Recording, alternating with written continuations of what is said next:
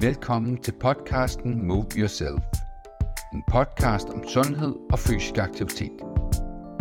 Jeg hedder Mads Hylgaard, er fysioterapeut og er din vært. Podcasten er lavet i samarbejde med Seniorzonen, Fysiofeminin og Fysio Danmark Roskilde. Jamen, velkommen til det her afsnit omkring øh, bækkenbunden og inkontinens. Jeg skal snakke øh, lidt med Rikke, som kan præsentere sig selv om det her emne lige om lidt. Øh, og der vil vi også snakke lidt omkring øh, det her med, at, at jeg måske synes, det er lidt, lidt specielt at snakke om. Fordi at, øh, både fordi, at der nok er noget tabu i, i det at have det svært ved at holde på vand og, og afføring, men, men øh, jeg tror måske også, øh, at det som mand øh, kan være endnu sværere nogle gange at, at fortælle, øh, hvis man har øh, sådan et problem. Så, så selvom jeg synes, det er lidt specielt at snakke om, så synes jeg faktisk også, det er rigtig, rigtig vigtigt, vi får, får det her øh, emne. Og øh, som sagt var, var bækkenbund og inkontinens, så vi skal snakke lidt omkring, øh, hvor stor er det her problem egentlig i denne her episode. Øh, det her med, at det kan være lidt tabu. Så skal vi snakke omkring, øh, om man overhovedet kan gøre noget ved det her problem, øh, hvis man ikke kan holde på vand og afføring. Og øh, vi skal snakke omkring, øh, øh, vi skal snakke lidt med Rikke omkring hendes, hendes bedste tip i forbindelse med det at have et, øh, bækkenbundsproblem og hvad man kan gøre ved det. Og så, øh, så skal vi snakke lidt omkring, hvad kan man forvente af effekt i forhold til behandling, og hvordan kan man måske holde sig motiveret for at, for at træne sin bækkenbund. Så øh, det er de, øh, de ting, vi skal prøve at nå igennem. Velkommen, og vil du ikke være sød lige at præsentere dig selv øh, til at starte med? Jo, hej. Jeg hedder Rikke, og øh, jeg er øh, uddannet fysioterapeut, som I nok ved eller har regnet ud. Og så har jeg en efteruddannelse i, øh, i det, der hedder gynækologisk fysioterapi, eller urologisk obstetrisk gynækologisk fysioterapi, som handler om, hvordan man kan øh, undersøge bækkenbundsmusklerne og finde frem til, hvad øh, problemet er, hvis man oplever nogle udfordringer i bækkenbunden, og så og selvfølgelig også, hvad vi kan gøre ved det. Så det er, det er noget af det, jeg har specialiseret mig lidt i. Mm. Mm. Jamen, spændende. Men skal vi så ikke bare kaste os ud i det? Øhm, fordi at, øhm, jeg har fornemmelse af, at det, er, det her det er et stort problem, men, men øh, hvor stort et problem er det egentlig i Danmark?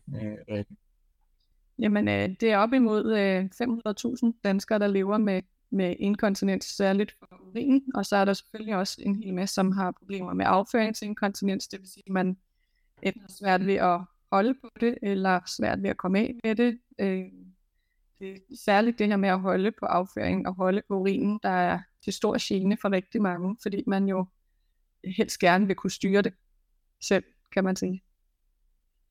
Men det er store tal, vi arbejder med, og det, det ja, hold da fast. Det er, jo, det, er jo, det er jo helt vildt. Det vil sige, det er jo nærmest normalt at have det her. Uh, at have det her. Mere end, uh, skal jeg sige, det ikke er normalt. Det er jo, det er jo helt normalt. Det burde jo være noget, at uh, alle var, havde noget viden omkring og, og vidste noget omkring. Det er i hvert fald hver, hver femte eller sjette voksne mellem 40 og 60 år. Øhm, så det er ikke kun fordi, man skal være over 60 eller pensionsalderen. Det er lige så stort et problem for den yngre del af befolkningen, øh, plus 40. Og så selvfølgelig også lige efter man har født, øh, hvis man har, har født et barn. Det er så selvfølgelig primært kvinder. Der er også mænd, der lider af både urininkontinens og affæringsinkontinens. Øhm, men udfordringen der er selvfølgelig ikke en fødsel, det er, det er muligvis mere at gøre med en forstørret prostata, en operation i underlivet, øhm, som så kan give de her gener. Okay, så du nævner altså, at, øh, at det ikke nødvendigvis kun er, fordi man kommer op i alderen. Øh, du nævner også øh, fødsel øh, og nogle andre tilstande. Erosion. Sygdom i nervesystemet, som kan hæmme nerven til blæren. Det, det kan også være en betændelse i nerverødderne, forårsaget af forskellige sygdomme, som gør, at man ikke kan komme af med vandet, fordi nerven simpelthen ikke kan, kan øh, nerven til blæren ikke arbejder øh, og fungerer, så blæren trækker sig sammen, når den bliver fyldt.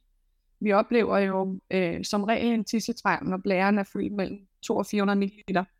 Øhm, og den øh, fornemmelse for, at blæren er fyldt, og man skal tisse, kan være Øh, nedsat. Men selvfølgelig også selve det at kunne tisse, hvis ikke man kan aktivere. Øh, lærerne skal jo autonomt, det sker jo uden vores vilje, men, men man kan godt have en, en hæmning af nerven, der gør, at man ikke kan komme af med vandet. Det er selvfølgelig også et stort problem. Så skal man have noget hjælp til det. Okay, så nerve, nervesystemssygdom eller nervesygdom. Og så hvad med, hvad med sådan noget som livsstil, øh, inaktivitet? Har det, har det noget at skulle sagt? Det har også noget at sagt, ja. Altså overvægt og inaktivitet, rygning, øh, for lille eller for stort væskeindtag, har også noget at gøre med øh, bækkenbund, fordi hvis man er inaktiv, så har vi en nedsat øh, peristaltik af vores øh, tarmbevægelser. Vi har øh, ikke den hjælp, som vi får, når vi bevæger os og er fysisk aktiv, til ligesom at få, få øh, tarmfunktionen til at fungere optimalt. Hvis man drikker for lidt væske, så ophobes afføringen mere i tarmene og giver noget forstoppelse. Det gør, at man skal presse, når man er på toilettet, hvilket udfordrer bækkenbundsmusklerne. Øhm, og, øh, og livsstilen, kan man sige, det man spiser i forhold til fiberrig kost kontra ikke fiberrig kost, har også stor betydning i forhold til vores tarmsystem, og hvor meget vi skal arbejde for at komme af med afføringen. Okay. Så der er rigtig mange ting, der, der kan influere på det her problem, kan jeg forstå. Ja. Og derfor det måske også er et udbredt, øh, et udbredt problem. Øhm. Det er et udbredt problem, og jeg synes faktisk, der er ganske få, der opsøger mig øh, med det, når man tænker på, hvor stort et problem det reelt er. Jeg kunne godt tænke mig, at der var flere, der turde øh, opsøge noget hjælp eller tale om det. Øh, for så ville jeg opleve, at der var rigtig, rigtig mange andre, som man kender, som højst sandsynligt har samme problem eller samme udfordringer. Ja, fordi at, øh, som jeg indledte samtalen med også, så synes jeg jo, at nu kender jeg jo øh, dig, og vi har det her samarbejde gennem Fysiofeminin, og derfor ved jeg selvfølgelig en lille smule om det. Men, øh, men jeg må da også erkende, at, det, at det, jeg, jeg skal da være ærlig at sige, at det, det er et øh, specielt øh, øh, emne at, at, at snakke omkring, og, og jeg kunne forestille mig, at, øh, at der er mange, øh, mange andre, der har det på samme måde. Det er da ikke noget, man lige det, som det første altid sætter sig ned og snakker med sine venner over, øh, venner om, at man, man ikke kan holde øh, forvandlede opføringer. Jeg kan da huske, vi havde et vennepar her, hvor den, den ene af dem, hun, hun øh, åbnede op omkring det, øh, og hun kom faktisk bagefter og sagde, hvor, hvor rart det havde været øh, at snakke med nogle andre, om ikke bare kæresten eller, eller hendes mand omkring det. Mm. Så jeg tror, behovet for at få øh, for hjælp, det, det, kan, det er der for måske også at øh, skabe en mere normal øh, tilgang til det her problem. Ja, så også måske for at finde ud af, at der er faktisk noget at gøre. Øh, og når det så endelig kommer i gang, og de kan mærke, at det bliver bedre, så er de jo lidt øh, ærgerlige over, at de ikke kom lidt før. Og hvem, hvem, tænker du, hvem tænker du, hvis man nu går der og har lidt ondt i maven over, måske ovenikøbet også at snakke med sin partner omkring det, mm. så, så hvad, hvad, hvad er det, hvem er det, man kunne starte med at, at snakke med, med om? Hvor, hvor, hvor, altså lægen ved jo godt, hvad det her problem er, så der kan man jo godt starte, og de fleste fysioterapeuter ved vel også, eller hvad, hvad, hvad det her problem er. Hvor skal man starte, tænker du med, at, hvordan skal man få taget hul på det her emne?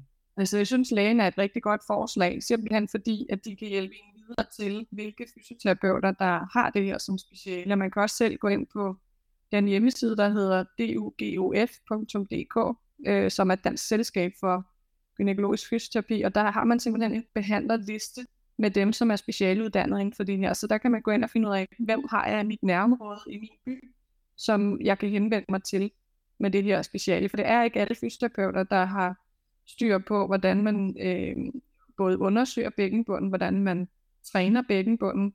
Øh, det, er, øh, det er lidt anderledes end bare at knibe, kan man sige. Og det er jo det, de fleste ellers hører, både øh, uden at skulle, skulle sige noget om nogen, så både vores lægen og til deres sundhedsundersøgelser og sådan noget, gynækologer muligvis også, øh, får man bare med, at man skal knibe, eller man kniber fint, hvis man kan glemme om deres fingre. Og det er jo ikke kun det, der er i at, at være stærke sin bækkenbund. Man skal også kunne bruge denne her styrke til noget og det, øh... ja, og det, vender vi, det, det tænker jeg, vi kan snakke lidt om, også lige om lidt, Rikke. Øh, hvad det hedder. Um, så, så, det, så det, du egentlig siger, er, at, at, at, øhm, at det faktisk er sindssygt vigtigt, at man søger den her spe, lidt specialiserede hjælp, fordi at man hurtigt kan spise af med en folder med nogle enkelte knibeøvelser, eller at man måske bare får at vide, at man skal søge på Google efter nogle knibeøvelser, og du, du tænker, at der måske skal, mm. At det, ja. det kan være gavnligt at få, få den lidt mere specialiserede hjælp. Ja, men egentlig også fordi, at man vil opleve, at, at vi er jo vant til at snakke om de her ting, så her hos os er det ikke pinligt.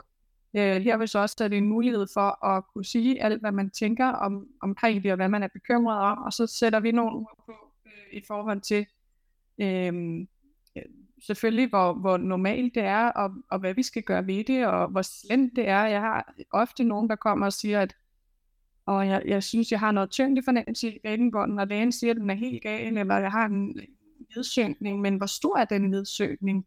Og, og er den stor nok til, at man skal opereres, eller, eller kan man rent faktisk træne det, eller det får de ikke så meget svar på, så det er jo også en mulighed for ligesom at få nogle detaljer omkring de udfordringer, man oplever, og samtidig vil jeg sige, så er det rigtig vigtigt for selve træningen, eller de tiltag, man gør sig, at man også ved, hvad problemet egentlig er. Er det at knibe? Mm. Er det at slippe knibet?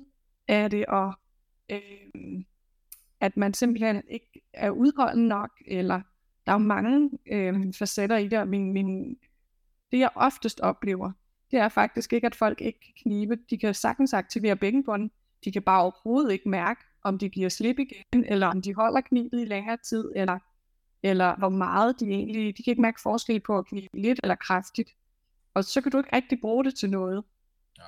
Så, så pointen er egentlig, at det er sindssygt vigtigt, at du bliver undersøgt ordentligt øh, for det mm. her, fordi at, at det at ikke kunne holde på, på vandafføring, det, det kan, altså årsagen til det er vigtigt at få, få analyseret, for også at kunne finde den bedst mulige øh, øh behandling, eller de bedst mulige øvelser til det. Yeah. Jamen, jeg har også, øh, jeg har også fornemmelse af, at, øh, at de, de fleste læger ved det efterhånden. Men jeg synes også, da jeg, mm. da jeg skulle, øh, skulle fortælle øh, øh, nogle læger tæt på, hvor vi arbejder omkring, omkring det, der var det ikke alle læger, der helt kendte det her. Jeg har også været ude og undervise mm. læger i, omkring fysioterapi. Det var så mere de nye læger, det er måske mere okay, men øh, de, hvad de hedder, ja, de, den der vi praktiserende læger, hvor jeg underviser omkring fysioterapi, det var ikke alle, der kendte vidste, at helt af fysioterapeuter har det her som specielt. Så jeg tror, mm. tror også, det er vigtigt, at øh, hvis folk lytter med, at, øh, at det er godt, at øh, de får den her information, fordi det er nødvendigvis ikke alle læger, der faktisk ved, at det findes som specielt. Nej, det er min oplevelse. Det er rigtigt. Og jeg synes også, der er noget vigtigt i at sige, at, det jo, at vi skal også, som jeg sagde før, kunne bruge den her bækkenbund til noget. Så det at knibe en gang hos gynekologen eller hos lægen, at vurdere en styrke handler jo ikke om, at du kan holde dig, når du har gået et time i skoven, eller, øh, eller hvordan du øh, undgår at tisse i bukserne, hver gang du løfter en tung indkøbspose. Altså, vi skal have den der overførbarhed til hverdagen. Øh, Om det er også nok hvordan man undgår at udfordre, altså provokere eller unødvendigt belade bækkenbunden, hvilket også er en del af det at træne den til det, den skal bruges til. Ikke? Præcis. Og nu har du jo nævnt træning rigtig meget gange, så det kommer nok ikke som en stor overraskelse, med det du siger, at øh, når jeg nu spørger dig, kan der så overhovedet gøres noget ved det her problem? Øhm, fordi at øh, jeg har lidt på fornemmelsen, at der måske er nogen, der opgiver lidt for hurtigt, og, og, og det mm. kunne måske være også på grund af nogle af de årsager, du fortæller, øh, at de måske ikke får succes med det, fordi de bare lige kniber, eller hvad man skal sige. Nu skal jeg ikke komme for klog på det, men, men, men, øh, men kan der egentlig gøres noget ved det her problem, Rikke, for, for folk? Øh, ja. Ja, altså, ja mit, første, mit første svar vil være ja, men vi er også nødt til at kigge på, at der er forskellige former for inkontinens, og de to hyppigste er jo det, vi kalder stressinkontinens, hvor at, hvor at man bliver øh, hvad hedder det, øh, utæt, når man øh, enten løfter tunge ting, når man griner, nyser, hoster eller hopper, eller på anden vis udfordrer sig. Så, og så er der det her, der hedder urgency inkontinens, hvor det er læreren, der pludselig trækker sig sammen. Og førstnævnte stressinkontinens er den, der er størst effekt af træning ved, øh, fordi det oftest handler om at kunne lære at bruge sin bækkenbund, når man skal løfte den indkøbspose, når man lige kniber op og holder, inden man lyser, eller øh, undervejs i hoppet, hvordan skal jeg arbejde med min bækkenbund i det her hop, så jeg kan holde mig tæt undervejs. Hvor at urgency incontinence, den her trang, hvor det kommer lige pludselig, det kommer hurtigt, det er svært at overkomme øh, muskulært, den kan være lidt sværere at få effekt af i forhold til træning. Og der er det måske mere noget andet tiltag, der skal til, noget mere lægefagligt, gynekologfagligt, som, som hjælpemidler eller operationer.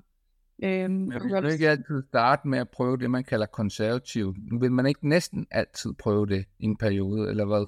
Jo, langt kom. i hvert fald prøve det i en periode, inden uh, de eventuelt skulle videre i systemet til noget videre undersøgelse eller planlægning. Og der kan man sige, der vil det jo altid skade at få lidt mere opmærksomhed på sin bækkenbund, og lidt mere kontakt til sin bækkenbund, for man kan stadig lære rigtig meget om, hvornår man skal prøve at arbejde med sin bækkenbund, og hvornår man skal øh, prøve at give slip på bækkenbunden også, fordi det er jo en, en muskelgruppe, kan man sige, som også skal kunne slappe af imellem. Ikke? Kunne du ikke prøve at sige lidt mere om det? Fordi du har selv nævnt det der med, at det ikke er nødvendigvis bare knibeøvelser. Mm-hmm. Og jeg ved godt, at det måske ikke kan gøres kort på den her podcast, men måske kunne du give et par eksempler. Men hvordan, hvordan træner man så sin bækkenbund, øh, hvis det ikke bare er knibeøvelser? Kunne du ikke prøve at give, sige lidt mere om det? Jo, altså for det første, så skal man, øh, så skal man mærke, hvordan man kan arbejde med sit åndedræt. Øh, det vil sige, at man skal altid knibe på en udånding. Så det er første prioriteten, det er simpelthen at få koordineret sin bækkenbund med sit åndedræt. Og det er det fordi, at når vi trækker vejret ind, så fylder vi lungerne med luft, der presser vi vores vejrtrækningsmuskel ned mod, øh, hvad kan man sige, midten af kroppen, og det skubber selvfølgelig alt buindholdet ned mod bækkenbunden, så der skal vi være eftergivelige og kunne give slip på bækkenbunden på en indånding. Når vi så puster ud og tømmer lommerne for luft, så kan man næsten forestille sig, hvordan midten af kroppen, hvordan vores vejrtrækningsmuskel, som ligger i midten af kroppen, ligesom kan blive suget en lille smule op i brystet, og derved bliver der plads til, at vi kan knibe i bækkenbunden. Jeg håber, det giver nogen billede af, hvad det er, jeg prøver at sige. Men ved at koordinere åndedrættet af bækkenbunden, så får vi altså bare flyttet buindholdet, i stedet for at presse det sammen på midten, øh, eller skubbe ned mod bækkenbunden og belaste bækkenbunden unødvendigt. Så første prioritet er at lære at koordinere åndedrættet med sine knibeøvelser. Og det er knibeøvelser. Det er at knibe eller suge skiden op, eller holde om en brud, hvordan man nu vælger at, øh, at sætte ord på det, så man bedst forstår det. Og, øh, og det kan man så som anden prioritet, skal man så finde ud af, hvilken udgangsstilling man bedst har den fornemmelse for bækkenbunden, at der sker noget aktivitet. Øhm, jeg synes altid, det er en god idé at starte i den udgangsstilling, hvor man synes, man mærker det bedst og mærker det mest. Og det kan være siddende, det kan være rygliggende med bøjet knæ, det kan være på siden, det kan også være stående, knæ fire stående. Det er sådan set lige meget, så længe man synes, at nu mærker jeg, at der sker noget i min bækkenbund, og nu kan jeg mærke, at jeg giver slip igen. Og det er slet ikke sikkert, at man kan mærke de her ting, men der, hvor man mærker det bedst, det er der, hvor man bør træne først. Og der er den første øvelse, som jeg øh, har prøvet at sige med rigtig mange år nu her. Og øh, for eksempel ligge på ryggen med både ben, slap af i bækkenbunden på en indånding, kni på en udånding. Det vil være allerførste øvelse, man skal øve sig på. Okay. Og hvis man så, men, men, men det er så, er det, skal, man, skal man så bare fortsætte der, eller skal man, hvad skal man gå videre, eller hvad, hvad, hvordan? Øh... Men så er der så, øh, som du siger, spørgsmål, der kan gøre det kort, men der er en masse overvejelser omkring, hvad nu hvis man ikke får særlig meget fat? Kan man så justere lidt på udgangsstillingen? Kan det være, nu viser forskning, at man har størst fat på bækkenbunden, hvis man har en lige linje fra sin ribbenskurvatur ned til sit bækken.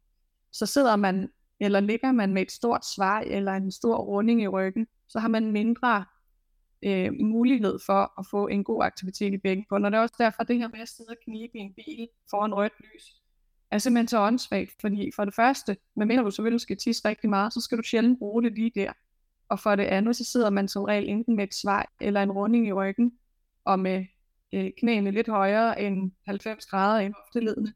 Og der har vi bare ikke den bedste mulighed for at få fat på den bækkenbund. Så det er næsten lidt spild af tid, synes jeg, at, øh, at knibe foran rødt lys. Hvad mindre man selvfølgelig skal Men jeg tænker også på, at der er vel forskel på, som du selv siger, hvis man, altså en ting er, at man lærer at fange den.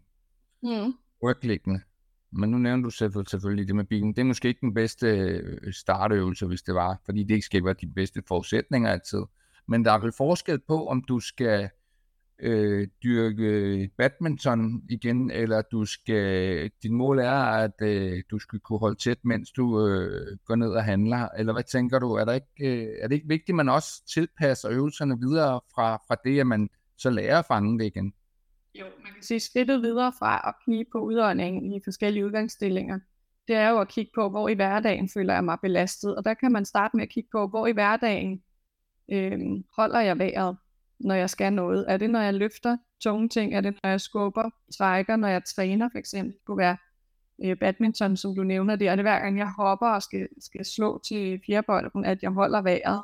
Så skal man måske begynde at prøve at overføre øh, åndedrættet og knibet til den funktion, til den aktivitet. Øhm, et bedre eksempel det er det her med at, at løfte indkøbsposerne, at hvis man hver gang man løfter en tung indkøbspose, holder vejret, når man retter sig op, strækker benene, så er det der, man faktisk lægger pres på bækkenbunden. I stedet for at lægge pres på bækkenbunden, der ved at holde vejret, så burde man puste ud og knibe, når man løfter den her indkøbspose. Så det, det, der er vigtigt, det er at overføre denne her med at knibe udåndingen til de aktiviteter i hverdagen, hvor man føler sig udfordret. Det kan også være, når man skal op af sengen om morgenen, hvis man altid laver en mavebøjning, fordi man ikke har plads til at stige ud til siderne, så kunne man måske lige tage en indånding, inden man påbegynder sin udstigning, og så kniber man og holder knibet på udredningen, når man sætter sig så få det ind i hverdagen, der hvor det giver mening. Så bruger man både bækkenbunden funktionelt, men undgår sådan set også at udfordre bækkenbunden unødvendigt. Og hver gang vi udfordrer bækkenbunden unødvendigt, så belaster vi den. Og så er det, at den bliver dårligere rent funktionelt. Så bliver vi dårligere til at bruge til det, den egentlig okay. Og det er jo interessant nok, ikke? fordi det er jo også et godt eksempel på, Rikke, alt det du siger, at et knib er ikke bare et knib. Men jeg kunne også forestille mig, at så det, det er jo der også, hvor man kan sige, det er jo faktisk der, hvor man skal træne sin grænse engang, men fordi, at, kan du følge mig, at det er jo også det der med, at man, man skal jo egentlig træne der, hvor det er svært, og det er jo også derfor, at man måske risikerer, at det så kan gå galt en gang imellem. Kan du følge, følge det, ikke? Ja, det kan Man skal jo træne der, hvor at man øh, nogle gange lige til grænsen, ikke? Øhm, mm. Men det er jo en udfordring. Ja. ja, præcis. Nå, men, øh, men interessant. Øhm, jeg tænker, vi er jo sådan, nu har vi snakket lidt omkring øh, forskellige ting, og jeg, jeg, jeg tænkte bagefter, at jeg lige vil prøve at samle lidt op, hvad, hvad jeg har fået lidt ud af. Det er nogle af de ting, du har sagt, men, men hvis du skulle sådan give de, sådan de tre bedste tip til at komme i gang, eller hvad man nu skal kalde det, sådan, hvis man skulle prøve at kort den er lidt ned, hvad vil du så gøre, hvis der sidder nogen derude? Sådan de tre bedste tip til at komme i gang og få succes med bækkenbundstræning. Kan, du, kan man gøre det sådan, prøv at sige det kort? Ja. Det kan da prøve. Jeg kan da prøve. Og så det første, jeg vil gøre, det var at knibe på udåndingen. Simpelthen øve den koordination. Så vil jeg prøve at sætte en bevægelse på, som jeg bruger meget i dagligdagen. Det kunne være at rejse fra en stol, så man trækker vejret ind, inden man rejser sig, holder knibet på udåndingen, mens man rejser sig, og giver slip, når man står op. Det gode ved den øvelse er, at vi gør det mange gange om dagen. Det er en øvelse, vi alle sammen kender, men til gengæld også, når du kommer op og stå, så har vi tyngden med til ligesom at give slip på bækkenbunden igen. Så jeg oplever tit, at folk nemmere mærker snippet, når de står op. Øhm, og det tredje synes jeg vil være at prøve at overføre det til nogle øvrige aktiviteter i hverdagen, eller til sin vanlige træning, fordi når vi nu er vant til at træne, øh, hvis man nu går til noget to gange om ugen, det kunne også være styrketræning, øh, så, så kan man arbejde det ind i noget af det, man gør i forvejen, så man ikke føler, det er en, en belastning eller en øvrig ting, man skal i løbet af ugen. Fordi vi har nok ting, vi skal nå hver dag, tænker jeg. Øh, så hvis du træner derhjemme, øh, jeg har flere af mine kunder, der træner faktisk med feminin, øh, det der hedder stærk bækkenbund, og den træning laver de fast to til tre gange om ugen, jamen så får de deres bækkenbundstræning der. Mm. Om det så er kun stærk bækkenbund, eller flere af dem laver også øh, nogle af morgengymnastikserierne, eller rygtræning, jamen så kobler de åndedrættet på der på deres øvelser, fordi de har lært, at når de er udfordret, så skal de puste ud og knibe. Hårdt sagt, så kontakt til bækkenbunden, indarbejde din kendt hverdagsøvelse eller aktivitet, og så bagefter koble det på din vanlige træning, så det ikke bliver noget ud over det Det giver jo sindssygt god mening at bygge det sådan op fra, mm. fra et, i trygge rammer til så at udfordre det mere. Er der sådan noget, kan man sige noget omkring, hvor, hvor tålmodig skal man være? Er det, at det, jeg tænker, det også må være mm. forskelligt, men har man noget, altså, hvordan, hvordan, hvor lang tid skal man vente, og skal man være tålmodig, og hvordan holder man motivationen? Har man nogle tanker omkring? Ja, altså først og fremmest så rent fysiologisk er bækkenbundsmusklerne jo muskler ligesom resten af kroppens muskler, og der, øh, der har vi en, øh, en vejledning, der hedder 6-8 uger, skal man træne for at se den fulde effekt af sin træning, så længe man træner øh, regelmæssigt, og øh, hvad hedder det, og så vil man opnå en effekt øh, på øh, selve fornemmelsen for knibet, opmærksomheden til bækkenbunden, synes jeg ret hurtigt af min erfaring, 1-2 uger, men selve styrken og udholdenhed, den kommer efter 6-8 uger. Og hvordan man holder den motivation, jamen øh, forhåbentlig, så bare at man mærker, at man får bedre fat på bækkenbunden, man har en bedre fornemmelse for, hvad der sker, er det motivation nok til at fortsætte for at se, hvad det kan blive til. Ja, jamen, øh, øh, super interessant, og jo også meget sådan, det der med, at man skal bare lige huske, at det, det, er, en, det er en muskel at få træningslærer med mm. over det, fordi det tror jeg også måske, at man er nogen, der knækker nakken på at sige, det er altså ikke noget, man skal gøre en enkelt uge. Det er noget, man skal have integreret over ret øh, øh, noget længere tid. Jeg tror, hvis vi alle sammen sammenligner det med det, at vi går ned i et fitnesscenter eller noget, så er det jo ikke meget anderledes i forhold til at vende. Vi går jo heller ikke ned og får store eller stærke muskler på en uge. Vi kan måske mærke, at der sker lidt, men, men der skal altså noget tid til. Lige præcis, og så er det jo muskler, man skal vedligeholde, ligesom resten af kroppen. Hvis man gerne vil blive ved med at være stærk i kroppen, så bliver man ved med at gå i fitnesscenter. Men vi skal også blive ved med at i vores træning, for at kunne dyrke og en udholdenhed af vores bækkenbund, så vi kan bruge den, når vi skal bruge den, og af, når vi skal. Øhm, rigtig mange går jo og spænder meget tiden i løbet af dagen, enten fordi de øhm, skal holde sig, men egentlig også fordi, at de er bange for at give slip, hvis man har en tyngdefornemmelse. Øhm, og der går man jo og spænder lidt unødvendigt, men som jeg plejer at sammenligne med overarm, det går heller ikke at bøje arm hele tiden for at blive, for at blive stærk i overarmen. Vi er nødt til at give slip på den en gang imellem, for at kunne løfte håndbækken igen. Ja. Og så er det også med bækkenbånd, vi skal lære at give slip, så vi kan få ordentlig fat. Okay. Det giver god mening. Jamen super godt, Rikke. Nu er vi gået lidt over tid. Jeg tænkte, øh, mm. at jeg synes, der har været nogle interessante, øh, interessante ting om, øh, sådan igennem den her snak. Og, øh, og øh, jeg synes, at noget af det, som, som øh, du tydeligt gør, det er også det her med, at det er sindssygt vigtigt, at, at man ligesom bliver under, undersøgt ordentligt, eller ligesom, eller undersøgt, man i hvert fald finder ud af, hvad årsagen til det her er, fordi der kan være forskellige for, hvordan man så skal træne, og hvad behandlingstiltaget er. Så tror jeg, at vi begge to øh, var hurtigt var enige om, lad os nu for få snakket omkring det her. Sørg nu for ikke at gå med det selv. Det her, det, det skal ikke være et tabu, når, når der er så mange mennesker, der går og har det her som problem. Vi er nødt til at åbne op for, at det, det er normalt at have det her, og at vi skal snakke omkring det, at det er normalt at træne det. Ja, det er faktisk, tror jeg, næsten 7 ud af 10, der kan træne sig til en, en stærkere og bedre og mere funktionel bækkenbund. Altså, så det er ret meget over halvdelen. Det er jo helt sindssygt, hvis det er, at folk de vælger at, at holde igen, fordi at de ikke tør snakke om det. Altså, det er jo, det er jo helt, helt vildt. Og jeg synes, at noget af det, der også var vigtigt, det var det der med, at du siger knivbøvelser, ikke bare knivbøvelser, at det er vigtigt, at man bygger det op. Øh, og det, jeg synes, det giver rigtig god mening. Først skal du lære at fange den, så skal du gøre det under trygge omgivelser, så skal du, så skal du, så skal du ud og, og, og udfordre den. Ikke? Ja. Øhm, og, og så synes, synes jeg, det er rigtig god øh, point, det er også, at det tager altså noget tid. Øh, man kan måske godt lære at få spænding, men det tager noget tid at få styrken også mm. som helt almindelig styrketræning. Så det synes jeg er nogle super gode pointer, at du har fået um, tydeligt gjort her.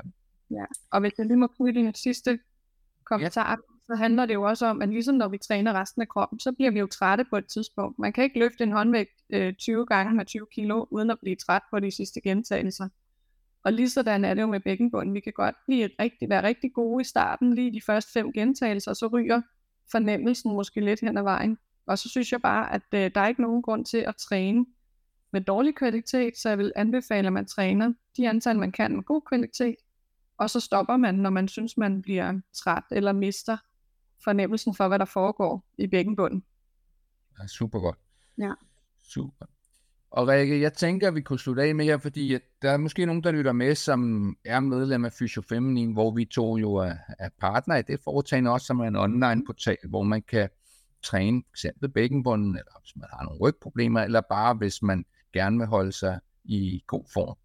Og øh, kunne du ikke bare lige, øh, vente man er medlem eller ej, kort fortælle, øh, hvad er det egentlig, du kan tilbyde, hvis man kommer, øh, hvis man bliver medlem af Fysio Feminin? Hvad er det, øh, man kan få på den anden side der, skulle jeg til at sige? Jamen det, man finder inde på vores hjemmeside og vores øh, online træning, det er øh, både specialiseret, kan man sige, træning til bækkenbund. Vi har et stærkt bækkenbundkursus, hvor man igennem tre serier, først ryglæggende, så knæstående og så øh, stående til sidst, lærer at skrue på, øh, på udfordringen af bækkenbundstræning. Øhm, og så er der en masse anden træning. Der er noget, vi kalder blidtræning, yoga, pilates, fysioflow, som også handler rigtig meget om, hvordan man koordinerer åndedrættet med bevægelser og med, med styrkeøvelser, øhm, men dog i den blide afdeling. Og i øvrigt så har vi selvfølgelig på vores, øh, vores øh, styrkedel, som er både styrketræning og intervaltræning. Vi har noget pulstræning, noget, noget udendørstræning, som også fokuserer rigtig meget på styrke, hvor man så kan hænge øh, bækkenbunden og sit åndedræt op på det, altså man kan træne på et ret højt niveau sammen med os online, øh, så længe man husker sine øh, regler for bækkenbundstræning. Okay. Øh, du kan også finde nogle videnskurser. Vi har en masse viden derinde, også omkring inkontinens. Et helt modul, kan man vel kalde det, hvor vi snakker om øh, anatomien og fysiologien omkring bækkenbunden og funktionen af den, og hvilke muskler bækkenbunden samarbejder med i lidt mere detaljeret udgave, end det vi kan nå at snakke om her. Så der kan ja, være lidt mere, ikke? Præcis. Så hvis man synes, det har været spændende, så også det der, når du har snakket det der musklerne, og sådan, så kan man få endnu mere at vide i, i det videnskursus.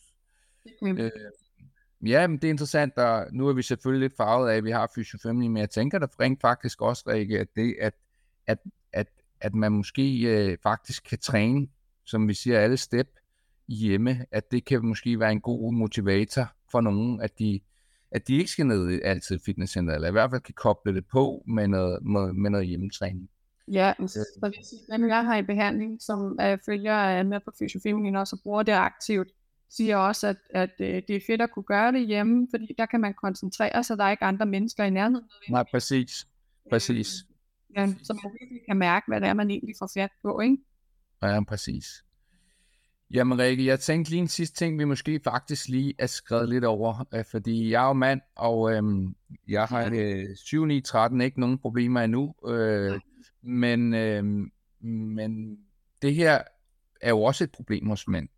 Mm. Og øhm, er det det samme, der er gældende for mænd, det vi har snakket om i dag, eller hvordan? Øhm... Ja, lige med den forskel, at mænd primært henvender sig, hvis de er opereret øh, i underlivet på prostata, for eksempel forstørret prostata, hvor man går ind og skærer urinrøret over. Øhm, det kan også være afføringsinkontinens, der jeg ser ofte mænd for, og så har jeg i øjeblikket også en, øh, en lidt yngre herre, som har rejseproblemer øhm, og problemer med udholdenhed, kan man sige, under samleje. Og øhm, når man kigger på hans hverdag, så er det meget tydeligt, at det han gør forkert, det er, at han belaster bækkenbunden, i stedet for at bruge den aktivt i sit arbejde, hvor det inkluderer rigtig mange tunge løft. Så der er helt sikkert også noget at gøre for mænd. Øh, og men udfordringerne kan være lidt anderledes, så er træningen meget det samme. De skal også altid knibe udåndingen, og de skal forestille sig at løfte penis og testiklerne, når de kniber.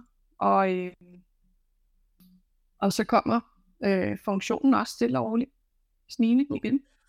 Og vi når selvfølgelig ikke at snakke omkring det her, men, men det vil sige, at, at og det, der er lavet på fysiofeminin, det vi har snakket om, at, har selvfølgelig også primært været fokuseret på kvinder, men, men budskabet kan måske være, ikke lige i forhold til mænd, at, at de skal også søge. De skal også søge, og der er noget at gøre, og, og, og selvom at, øh, øh, de ikke lige ved, hvor de skal gå hen, øh, skulle jeg sige, selvom de måske ikke lige starter hos fysiofeminin, så gå ned til en fysioterapeut, snak mm. med deres læge om det, fordi der stadig øh, er rigtig meget at gøre, ikke? Ja, også fordi der er rigtig, relativt mange mænd, der også bliver opereret i underlivet. Ja, præcis. Ja, mange derude, der også oplever udfordringerne, og så kan man sige, at mange mænd, sammenlignet med kvinder, øh, henvender sig oftere, hvis det er afføringsinkontinens, end urininkontinens, hvor kvinder primært henvender sig med urininkontinens og finder ud af, ah, jeg har måske også lidt hård afføring, eller, eller indimellem synes jeg, det er svært at holde på det. Ikke? Mm. Præcis. Jamen, øh, fantastisk, Rikke. Jeg elsker, når vi kan lave nogle afsnit, som måske også øh, kan være med til at rykke på nogle tabuer, og selvom det kun måske gør det for øh, et mindre antal, så synes jeg, det er fantastisk. Øhm, så jeg vil egentlig bare sige øh, tusind tak, Rikke, fordi du vil gøre os klogere på det her område. Som sagt, så kan man jo høre mere til, til dig, hvis man er medlem hos øh, Lige præcis. Og så kan man også altid skrive til os, hvis man har nogle specifikke spørgsmål på en e-mail eller så videre. Så kan det være, at vi laver et afsnit ud for det. Præcis. Jamen tak for den her gang, Rikke. Tak for det. Ja. Hej. Hej. Tak fordi du lyttede med til denne podcast, som er lavet i samarbejde med Fysiodan Roskilde og med seniorzonen.dk og fysiofeminin.dk, som tilbyder digital træning med over 10 temaer og 50 aktiviteter, der er lige til at gå i gang med, hvis du blandt andet har en skavank eller gerne vil leve op til Sundhedsstyrelsens anbefalinger.